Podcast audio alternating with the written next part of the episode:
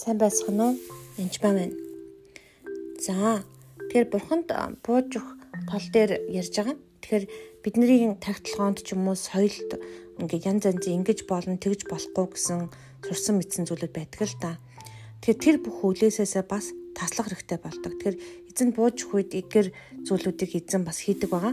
Аа тэгээд энэ талаар тайлбарлах нь бол та бүхэнд Үлс 10-ын 9-өөс уншчихъя.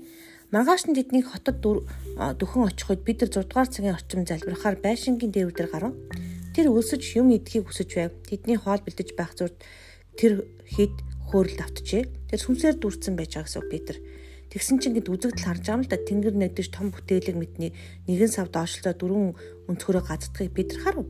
Дотор нь бүх дөрвөн хөлтэй амьтад хөвлөөр явжт болон тэнгэрийн шууд байхажээ. Тэгтэл нэгэн дуу гарч ирэн Түүнд Петрээ бос нятлаад идгэв. Харин Петр эцээ яасан ч үгүй. Учир нь би хизээч ариун бос бузар мэдэж байгаагүй гэлээ. Гэтэл мөнөختөө хоёр дахь гараад гурав дахь гараад л Бухны цэвэр болгосон юу ч ариун бос гэж бүү үзэгтэн гэв. Энэ гурав дахь татгадав. Ингээд үзэгдэл ямар учиртайг мэдэхгүй байжсэн чи юу болсон бэ гэхээр доороос нэг хүмүүс Пет Симоны гэдэг сургуулсаараа хурж иж байгаа юм л та. Тэгээ Питер хэмээх Симонтынд байгаа эсгээд дуудан асууж байгаа. Питер үзэгтийн тухай бодоод байж итл сүнс түнд үзэгтэн 3 хүн чамаа хайж байна. Бос доош буугаад эргэлзэлгөө тэдн рүү оч. Учир нь би тэднийг илгээг гэжээ. Тэр Иесус болон Бурхан дээр байдаг. Синтэдэ залардаг бол ариун сүнс бол доор ажиллаа хийж байгаа. Тэр доор Бурханы үйл ажиллагаа операшны удирдах ажлыг ариун сүнс зохицуулж байгаа. Мэдээж ариун сүнс Бурхан хоёр хоорондоо холбоотой холбоотой. Тэгээ энэ зохион байгуулалтын ажлыг ариун сүнс хийж байгааз Иесус Петрийг чи доошоо буу гэж байгаа. А тэгээд учир нь бид эднийг хэлээ. Нөгөө хүмүүсийг бас яасан бэ? Ариун сүнс илгээсэн байгаа байхгүй. Питер тэр хүмүүс рүү очиод та нар ямар утаан бэ гэдэг. Корнел гэдэг зуутын дараагаад тэнд дотоо таныг хүлээж байгаа очие гэдээ ярьж байгаа юм л да. Ихэд одоо хүндлэгдсэн тийм хүн байдаг гэдэг. Тэр Петр Корнелийн гэрт маргаашны дээр босоод очиж байгаа. Хэрэг цааш нь үргэлжлүүлээд унших юм бол Корнелийн дочингууд л Корнел хөлтөн сүгдөөд л тэгээ Питер хэрэггүй дээ би бос гэд би ч их сайдлан хүн шүүдээ гэд ярилцж эхэлж байгаа юм л да. Тэгээд эдийн хүний хувьд хар үндэстний нөхөрлөх буюу тэдний гэрт очлох нь ямар ёс бус хэрэг болохыг та нар өөртөө мэднэ гэж хэлж байгаа. Тэгээд Петрийн хувьд бол тэдэртээ нөхөрлөж болохооргүй тийм байсан байна л да. Нөгөө хар үндэстэн ариун бус бузар бид нэр одоо ариун гэж боддог байсан гэсэн үг шүү дээ тэд нар. Гэвч гэвч ямар ч хүнийг бузар эсвэл цэвэр бус гэж нэрлэх ёсгүйг бурхан надад харууллаа. Тэгэхээр ямар ч хүн ямар ч хүндэстэн бурхан цэвэрлсэн ариун болгосон бол тэрний яг үлээ ариун байж байгаа. Тэгэхээр тиймээс дуудах чинь би түтгэлцэлгүй ирдэлжээ гэж. Яг юу болсон бэ хэлээрэ гэж хэлж байгаа байхгүй. Тэгэхэд яасан бэхээр тэнгэрлэгч очоод тэгээ дөрөв өдрийн өмнө одоо тань одоо Питер лүү хүн явуулаа гэж хэлж байгаа. Олоотгоо. Питер гихч Симоныг хүрлцэн ирээ чимээ урахаар Япа руу хүн илгээ гэж хэлж байгаа. Гэрэлцээ овцтой хүн.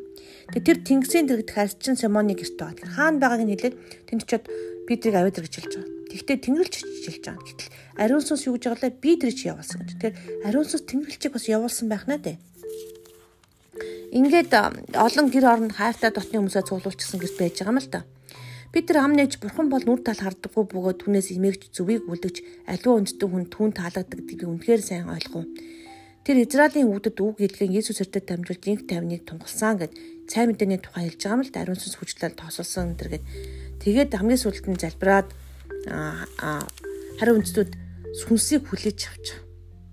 Тэгэд энэ энэ зур ариун сүнс тэр хүмүүстээр бууж хүн бүр дээр ариун сүнс буу. Хөвч хүндүүлсэн итгэгчд болох Питертэй хамт байсан хүмүүс хариу үндэстнүүдээр бас ариун сүнсний бэлэг асгарахыг хараад гайхацгаач. Учир нь тэд хилүүдээр ярьж Бухныг дээдлэн байгаа нь сонсогдов. Тэгээд Питер бидний авсанчлан тийхүү ариун сүнсийг хүлээн авсан энэ хүмүүст баптизм мөртөөхөд хинч уснаас татгалзаж чадахгүй биз дээ гэлээ. Тэр тэдэнд Есүс Христийн нэрээр баптизм хүртгийг тушаав. Дараа нь тэд түүнээс хэд хоног үлдээч гэж гуйлаа. Тэгэхээр энэ бүхнээс болооч нөгөө найзууд нь хүртэл Петрийг шүүж байгаа юм л та. А гэтэл Петрийн хувьд яг энэ хичээл нь тухайн нэг зуутын даргаыг ариун сүсээр дүргэж олон хүнийг чөлөөлөхөөс гадна Петрт маш хичээл зааж. Петр бол өөрөө апостол хүн байсан илч хүн ба. Эзнэр тослогдсон эзэн бүр үнэхээр гарынхан шав байгаа. Бүр дортны хайртай шавынхан нэг. Онцгой шавынхан нэг. Гэтэл сүүлд энэ хичээл явагдаж байгаа. Сүүлд ариун сүс удирдах энэ бурхны үзэгдлэр ариун сүсээр дүүрэх үед энэ бүх зүйл болж байгаа. Чи хүмүүсийг ялгуулж болохгүй ээ. Тэгээ өөрт нь байсан тэр хан нэрэм хүлээ зүтэг тасардчихж байгаа. Тэгээ бурхан харуулж байгаа. Тэгэхээр биднэрт байгаа соёлын ч юм уу хил усны аялахын янз бүрийн ялгаанууд байвал тэр тэнд ямар нэгэн хүлээс байх вэ? Тэрийг сайн уучлал цэвэрлэж явуулах хэрэгтэй гэсэн үг. Тэгээд хуучин бодож исэн бодлуудаа тий чин тасар татах тийм сонголт хийх юм бол эзнийг дагах хэрэгтэй. Эзэн дотор үнэхээр бууж өгөрөө. Тэгээд бас шашны янз бүрийн хүлээсээс үнэхээр гарах тун соёлын хүлээсээс ч гисэн. Эзэн минь тэгээд үнэхээр ариун сүр намайг дүргэж өгөрөө. Тэгээд би таны дуулууртаа дагах болно гэж хэлээрээ. Баярлалаа.